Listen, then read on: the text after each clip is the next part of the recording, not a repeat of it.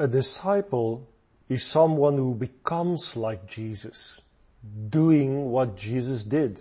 One of the things Jesus did was to pray, and therefore we have to also spend time in prayer. A disciple's life will be powerless without prayer. In this regard, Matthew 9 verse 37 to 38 is a special text to me, where Jesus says to his disciples that the harvest is great, but the laborers few. And then he says, pray therefore to the Lord of the harvest that he will send forth laborers into his harvest.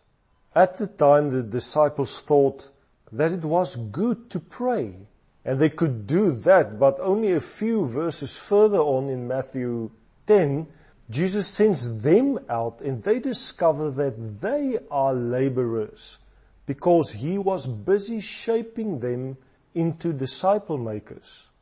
So he told them to pray for laborers and then it transpires that they are the laborers. So here we learn to pray and to go and while going we pray. In Matthew 6 verse 5 to 15 and Matthew 7 verse 7 to 12, we read how he speaks about prayer, Jesus, and how he teaches his disciples to pray because prayer is absolutely part of the life of a disciple of Jesus and an indissoluble part of the go and make disciples. At the core of doing what Jesus did is making disciples of people while praying for the kingdom of God to become a reality on earth. Only God and He alone gives life. Only He supports life, changes it and transforms it. Everything in regard to disciple making has to do with the fact that we can only create processes and spaces, such as the disciple making group, where the Father may then take His rightful place in people's lives in order that He may transform them. So it is only God who touches hearts and bring changes into lives. In light of this, it is only logical to put strong emphasis on prayer.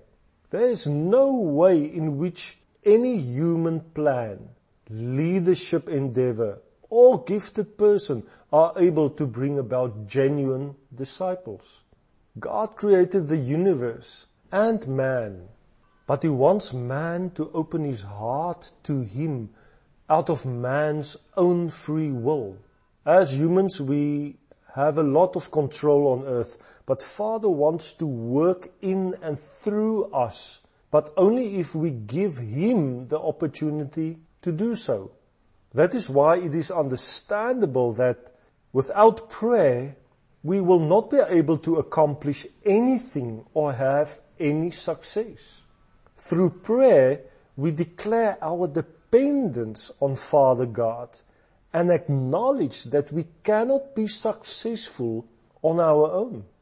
Prayer is acknowledging that He is the only source of spiritual life and that nothing has eternal value or success unless He is everything in our lives and programs.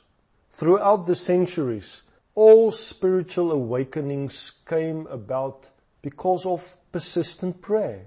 And this is a historical truth in church history. Our biggest problem, however, is to totally and completely trust God because we always have our own plans for everything. Besides this, we are also independent and self-sufficient and strive to always be in control of everything in our lives. This is true of many congregations as well. But we will have to learn to back off and have a renewed mind concerning this. If we strive to be disciple makers in our own personal lives and or in our congregations, then we have to ensure that prayer, together with the reading of the Word, is our most important spiritual discipline.